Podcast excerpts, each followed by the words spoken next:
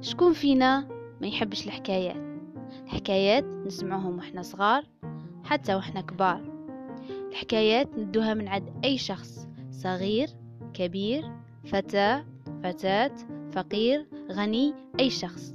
الحكاية تخلينا نحلمه الحكاية ندو منها عبرة لبقية حياتنا.